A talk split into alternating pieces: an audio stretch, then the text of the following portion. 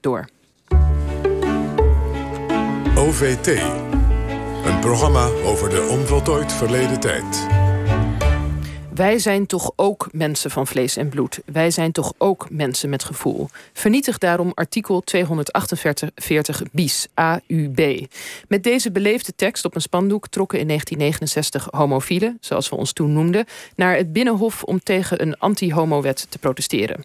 En dat protest, wereldwijd het eerste homoprotest, vormde het startschot van een lange en nog altijd voortdurende strijd van wat we nu de LHBTQIA-beweging noemen. Ja, dat is er weer helemaal rollend uit. Uh, mijn complimenten, collega. Michiel van Erp uh, dook in de geschiedenis van de Roze gemeenschap grofweg vanaf dat eerste protest in 69 tot nu voor een nieuwe VP RO-serie De Roze Revolutie geheten. En is de gast over deze serie vanaf morgen op televisie te zien. En daarnaast, naast Michiel, zijn hebben we twee ooggetuigen, Nout Rietman en Tineke Sumter. Nout Rietman verloor vele vrienden tijdens de eetscholen, waaronder ook zijn eigen geliefde. En Tineke Sumter richtte in de jaren 80, richtte in de jaren 80, 80 Sider Outsider op. Sister Outsider. Sister Outsider, ja. Kijk, ik heb het allemaal meegemaakt, maar het is kennelijk toch iets ontgaan. Een organisatie voor zwarte vrouwen die van vrouwen houden. En Tineke is net terug uit Suriname en is vanwege quarantaine thuis telefonisch meepratend. Goed, welkom allemaal. Michiel, je duikt in deze vierdelige serie in de geschiedenis van je eigen roze LHBT, et cetera, gemeenschap van 1969 tot nu. Waarom wil je deze serie maken? Uh, nou, volgens mij is, het, is, die, is die geschiedenis nooit echt in kaart gebracht. Terwijl het natuurlijk wel een wezenlijk onderdeel is van onze Nederlandse geschiedenis, zullen we maar zeggen. En um, zelf was ik eigenlijk. Nou, ik was eigenlijk een beetje, een beetje wakker geschud een jaar of twee geleden. Toen, ik zat weer eens op een terras op, bij een homocafé en werd voor de zoveelste keer weer eens uitgescholden door een voorbijganger. En normaliter trek je me er eigenlijk nooit zoveel van aan. Ik laat dat gewoon gebeuren. Toen dacht ik, maar waarom laat ik dat eigenlijk gebeuren? Waarom heb ik er zo bij neergelegd dat het normaal is uh, dat ik beschimpt word of dat ik uh, uh, in een hok gestopt word. Toen dacht ik, ja, misschien is het dan toch een goed idee om zelf ook een beetje wat activistischer te worden. En uh, van daaruit is eigenlijk de gedachte gekomen om het programma te maken. Je, kijken hoe dit allemaal zo gekomen is. Jazeker. En uh, kijk, ja. ik, ben, ik ben al uh, zeg maar, vanaf mijn twaalfde een hele gelukkige homoseksueel. maar ik ben nooit op de barricades geweest. Dus ik heb eigenlijk al die acties en dingen wel voorbij zien komen... zonder dat ik er zelf echt deelgenoot van was. Ja, het is nooit te laat om bij te leren. ja, Precies. Je toont in deze serie wat ook op zichzelf vrij logisch is... Uh, maar desondanks niet minder opvallend... dat er niet zoveel contact bestaat tussen de verschillende generaties van de LHBT-gemeenschap. Uh, hoeveel contact heb jij zelf bijvoorbeeld met oudere generaties? Ik heb, uh, ik heb een, uh, een, best wel een hele brede vriendengroep. Dus jong en oud. En zeg maar, de, de meeste letters zijn ook wel vertegenwoordigd. Op zich valt dat wat mij betreft wel mee. Maar er is wel, kijk, die jonge generatie die nu aan, die, aan de poorten staat te rammelen... ja, die zien mij toch zelf als een hele oude witte cis-homo... waar ze zich tegen moeten verzetten. Hoe, hoe noem je dat, een cis-homo? Ja, wit, een cis-homo. Cis oh god, daar gaan we al. Uh, nou, wit, dat snap je. Homo snap je ook. En cis is dat ik gewoon in een, in een, in een mannenlichaam geboren ben... en daar ook blij mee ben. Dat is, uh... Maar tel je dan ook wat minder mee of zo? Want het klinkt... Nee, nee, maar wat ik eigenlijk wil zeggen is dat... Dus zij uh, verzetten zich ook een beetje tegen, tegen het oude garde. Mm -hmm. Juist. Juist. Daar komt het op neer. Ja. Maar dat doet eigenlijk toch iedere jongere, iedere activistische jongere. Ja, dus ja. En ik ben toch ook nog wel benieuwd over die oudere generaties. Mm -hmm. hè? Zijn er nou zaken die jij weer van, van, van de oudere generatie hoorde, die ook volop in die serie zit, uh, die je echt hebben verbaasd of, of over, over hoe het vroeger was? Nou ja, kijk, die verhalen van 60 jaar geleden, hoe zeg maar homoseksueel en lesbisch Nederland opereerde. Ja, dan schrik je gewoon ook wel van de. Van de uh, het, het verborgene ervan, mm -hmm. snap je? Dus nu ligt alles veel meer op straat.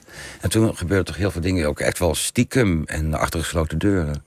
Ja, en, en heb, je, heb je hem voor. Er zit één man in. Eigenlijk wil ik dat je daar even iets okay. over vertelt. Het is een geweldige man. Die, die, nou ja, hij vertelt ten eerste dat hij. Uh, ik denk in de jaren 50, vroeg jaren 60, dat hij zo ongeveer. Uh, uh, seksuele diensten verleende aan zijn halve, halve voetbalteam. Ja. In een tijd dat er dus eigenlijk nog, ook nog niet een label op werd geplakt. wat nee, dan, dan precies was. was.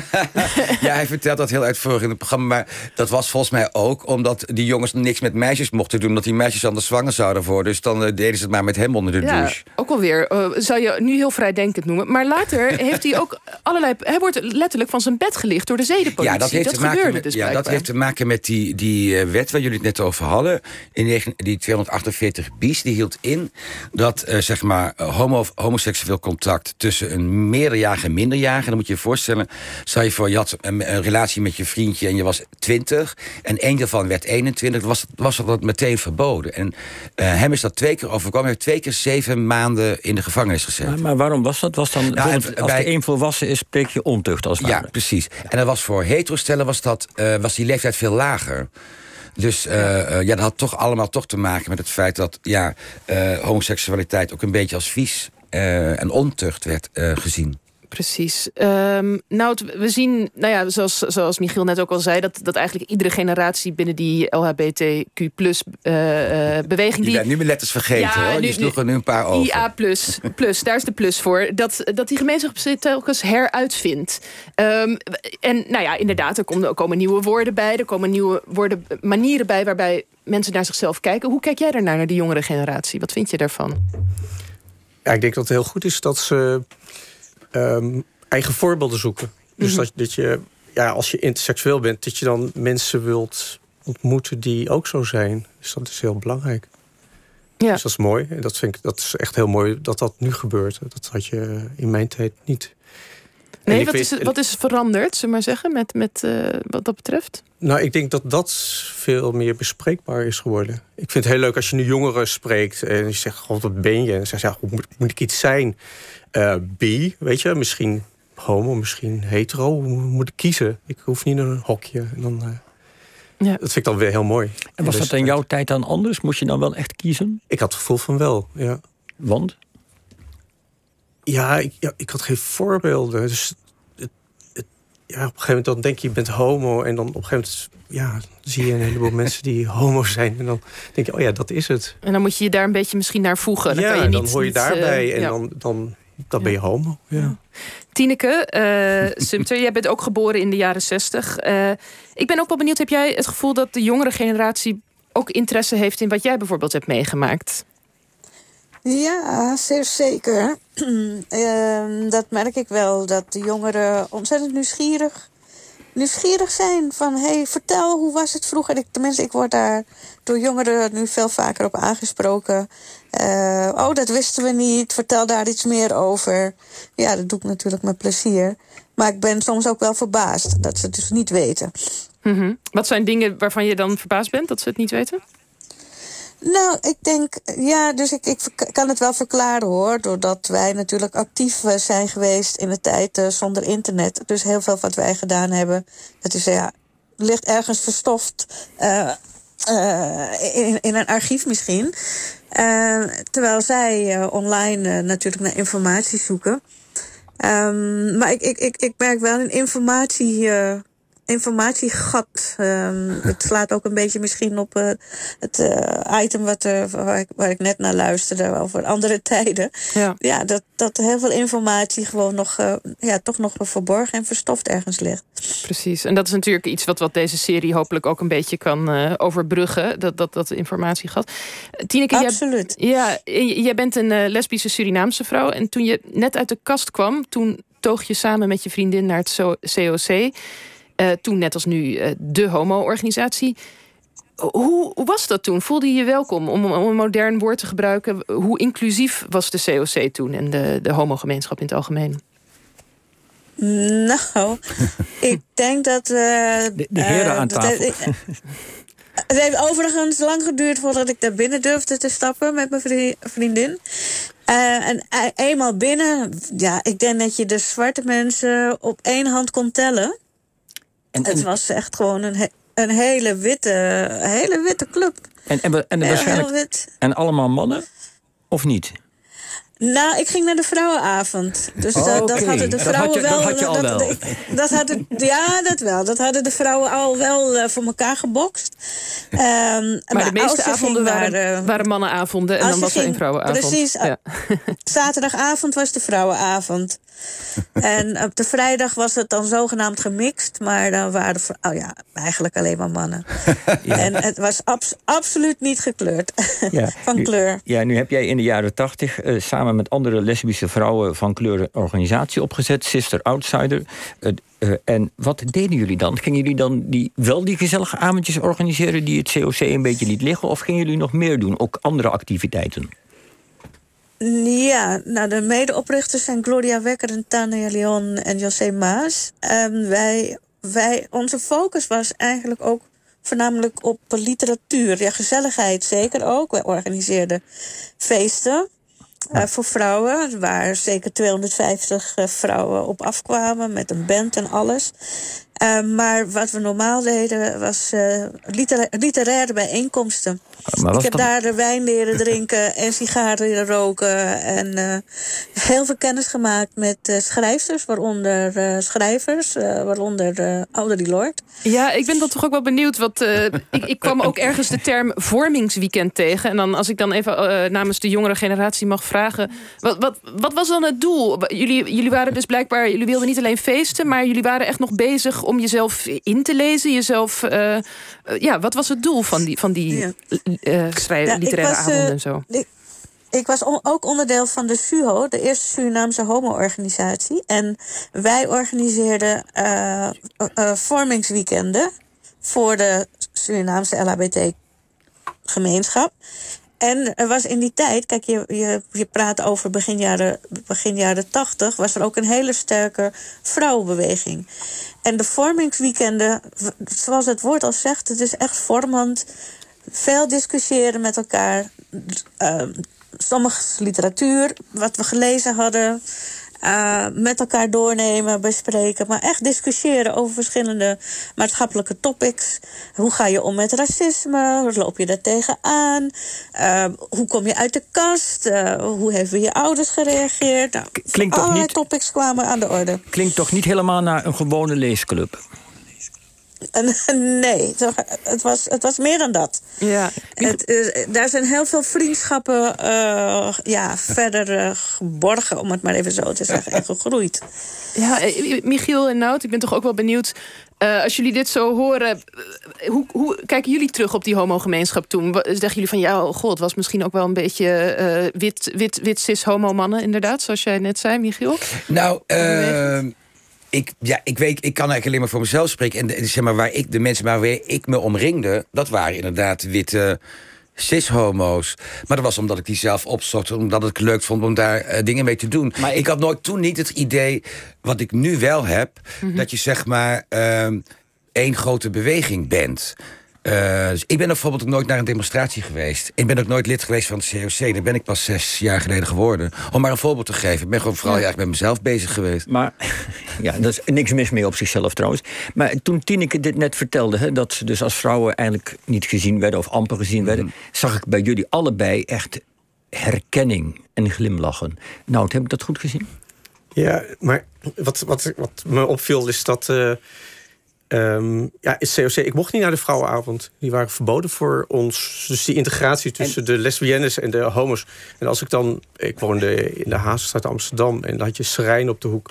Er zat er een vriendin binnen. En dan moest ik door het raam met haar praten. Want dan... Maar wie verbiedt dat dan? Ja, ik denk de vrouw. De, die nou, wilde geen... Het kwam wilde, een beetje van twee kanten. Nou, zeg maar. waarom wilde jij zo graag naar... naar, uh, uh, naar... Nou ja, ik had vriend, lesbische vriendinnen. Dus het is gewoon leuk om met z'n allen uit te gaan. Maar je mocht er gewoon niet heen. Nee. Ja. hey, maar Nout, um, hoe, ik ben ook wel benieuwd um, hoe dat dan veranderd is over de jaren heen. Bijvoorbeeld, nou ja, we, we gaan het zo hebben over de AIDS-crisis. Eigenlijk de periode die gewoon het dieptepunt is van die 50 jaar homogeschiedenis. Verandert er dan ook iets? Worden bijvoorbeeld inderdaad activistischer? Zoals Michiel net zegt van, nou ja, nou, de maatschappij, feestig, kijk, zit, we leven nu natuurlijk in een hele andere tijd. En uh, deze samenleving is veel meer gepolariseerd. gepolariseerd en uh, daarom is het heel belangrijk dat zeg maar, al die letters van die ettersoep... een beetje zich verenigen om uh, toch een, ja, een soort vuist te maken tegen uh, in de heteronormatieve samenleving. Dat is denk ik heel belangrijk. Ja, dat was, toen vond ik dat, was dat, speelde dat minder, had ik het idee.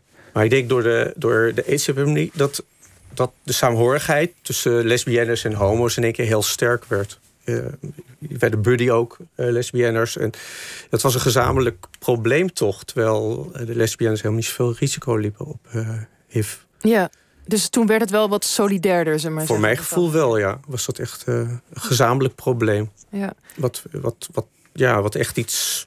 Ja, de rest van Nederland had er niet zoveel mee te maken. Ik ben ook wel benieuwd. Ja, je hebt veel vrienden verloren in die jaren. En ook je geliefde in 1990. En dan moeten we dus nog bedenken, het begon in 1981 ongeveer. Uh, en pas in 1996 kwam er uh, een, een, een, behandeling beschikbaar, waardoor het in plaats van een dodelijke ziekte een chronische ziekte werd, ze maar zeggen. Dat is zo'n lange periode. Hoe heeft dat misschien ook jouw blik op de toekomst veranderd? Kon je, kon je nog voorstellen dat het ooit voorbij zou gaan, bijvoorbeeld? In eerste instantie niet, nee.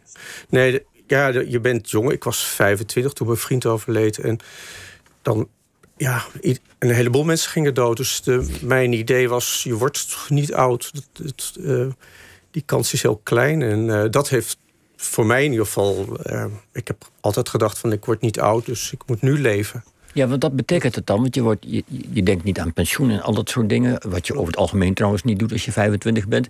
Maar ga, je zegt, hoe moeten we ons. Ging je echt, echt denken, nu of nooit?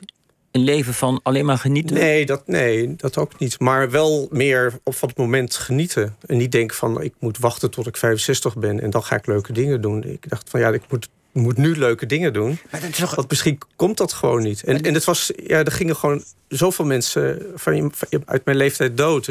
Buren, uh, mijn vriend, een jaar later een andere vriend werd vermoord. Dat werd anders. Maar dat, dat was eigenlijk een soort realiteit. Maar dit klinkt voor een buitenstaander als, als ik ben heel wezensvreemd. Mensen sterven om je heen bij bosjes, bij wijze van spreken, om het even wat plat te zeggen. En tegelijkertijd denk ik, ik moet gaan feesten. Hoe kan, hoe kan dat? Hoe nou, je moet iets uit het leven halen. Je moet, je, moet, je moet het leven leven. Ik bedoel, het kan zo over zijn. En ja, dan ben je te laat. Ja, Michiel, heb jij dit, dit verhaal wat nou vertelt... van dat er ook zoveel vrienden zijn die dan mhm. opeens wegvallen...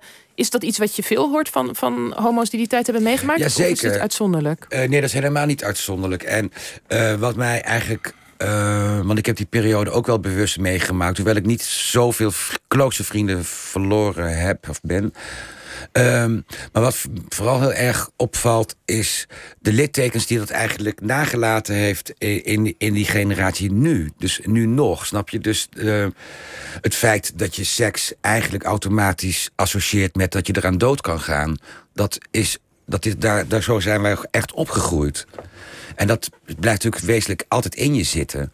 Maar dat vind ik al heel heftig. En er is ook een man in, uh, uh, in de serie... Die, die, die is twee jaar geleden in één keer van de een op de andere dag ingestort. Uh, en toen bleek dat hij aan een multiple loss syndrome leidde. Dus dat hij eigenlijk nooit ja, verwerkt dat hij zoveel vrienden verloren had in die tijd. Ja. dus daar nu nog steeds, of nu eigenlijk nu pas echt last van kreeg. Nu pas ook in staat is om misschien dat trauma te eh, verwerken. Te verwerken. En is dat eigenlijk ook iets wat die jongere generatie... Nou, jij werkt ook bij het AIDS-fonds. Is dat dan iets dat die jongere generatie ook beseft... wat jullie hebben meegemaakt misschien? Of? Volgens mij niet, nee. Het is ook altijd, als ik met jongeren praat, het is ver van hun bed... en er, is, het zijn toch medicijnen... Um, ja, dus ja, aids is geen probleem meer. Terwijl ze, ja, het is nog wel een probleem. 30% van de mensen op de wereld krijgt geen uh, HIV-behandeling. En er zijn 38 miljoen mensen met HIV. Dus het, ja, voor die 30% is toch wel geen toekomst. En ja. ik kan me voorstellen dat het misschien ook wel moeilijk is om dan tegen zo iemand te vertellen, iemand van een jongere generatie, die seks niet meer associeert met gevaar. Um, van nou, dat is voor mij heel anders en pas maar op. Of, hoe, hoe ja, maar je wilt ook niet geen predikant. Je wilt niet het, het ellende. Ik bedoel, het is ook fantastisch dat er is PrEP, er is, er is een HIV-behandeling. Dus dat is ook, ook heel mooi. Maar het, ja, ik probeer het ook altijd wel te vertellen wat er gebeurd is en waar, waar we nu staan. En, en um, ja, daar helpt zo'n documentaire bij. En, en je hebt prachtige series. It's a Sin uh, komt op televisie. Geeft een heel mooi beeld van die periode. En dat maakt de bewustwording wel uh, groter, denk ik. Ja, en ehm, wat mij opviel in de serie, tot slot, uh, dan zegt iemand op een gegeven moment van, nou ja, het zou het mooi zijn als op een gegeven moment die LHBTQIA beweging, of hoe die dan ook mogen heten, als die niet meer uh, hoeft te zijn. Dat we gewoon opgaan in een groter geheel, omdat het er allemaal niet meer toe doet. En eh, kunnen jullie je dat, ik wil het nog even aan Tineke vragen aan de telefoon. Kunnen jullie, kan je je dat voorstellen dat het er ooit niet meer hoeft te zijn, zo'n gemeenschap, en dat die gemeenschapszin dan misschien ook wel verdwijnt? Ja, nou, dus ik, ik ben aan de ene kant wel voorstander van dat het zou verdwijnen. Maar dat is meer uh, dat ik dan denk, of hoop. In die zin, kijk, er zullen alle, alle letters zullen er altijd zijn. Hè? Dus dat is een gegeven, omdat het is hoe je je identificeert. Maar het zou wel heel erg fijn zijn dat als je met je vriendin op straat loopt, uh, met je partner of met je vriend, dat je niet uh, constant om je schouders, bijvoorbeeld bij wijze van spreken, hoeft te kijken. Van, uh, mijn god, is het wel veilig genoeg? Uh, of als je een man in, in een jurk ziet en een snor, dat je ook zegt van, oh, dat is een leuke persoon. Snap je? Dus het, het, het, dat, dat, dat verschillen kleur geven aan het leven zonder dat dat uh, uh, uh, ja, een probleem is. Of, of dat het niet mag, of dat het niet kan, of dat het gevaar oproept. Nou, nou hoor, ik, hoor ik Tineke net zeggen, die letters zullen er altijd zijn en blijven. En dan denk ik, nou ja, liever niet. Uh, het lijkt me veel mooier als we die letters allemaal vergeten... en niemand zich nog nergens druk over maakt. Of zie ik het nog helemaal nou, je ziet, onnozel? Die, die, letters zullen er altijd zijn... dat mensen altijd een bepaalde identiteit hebben. Ze dus ergens vinden dat ze iets zijn. Uh, maar uh, misschien bedoelt Tineke eerder dat het gebruik van de letters niet meer nodig is. Omdat, kijk, nu is het toch zo dat de maatschappij is heel erg hetero uh, ingericht. Dus als je daarvan afwijkt, dat moet je dan blijkbaar dus melden. Dus je moet je ouders vertellen, hé, hey, ik ben homo of lesbisch of wat dan ook. Maar de, ooit, de samenleving zou prachtig zijn als je dat niet meer hoeft. Omdat iedereen anders is. Dus de letters zullen er nog wel zijn, maar uh, niet om jezelf te, on, te onderscheiden ten opzichte van de hetero's. Ja. Ja. Zeg het goed. Heel goed gezegd. Ja. Mag ik jullie uh, alle drie hartelijk danken. Tineke Sumter, Nout Rietman en uiteraard documentairemaker Michiel van Erp. En de vierdelige tv-serie De Roze Revolutie is vanaf morgen iedere maandag te zien om vijf over half negen op NPO 2.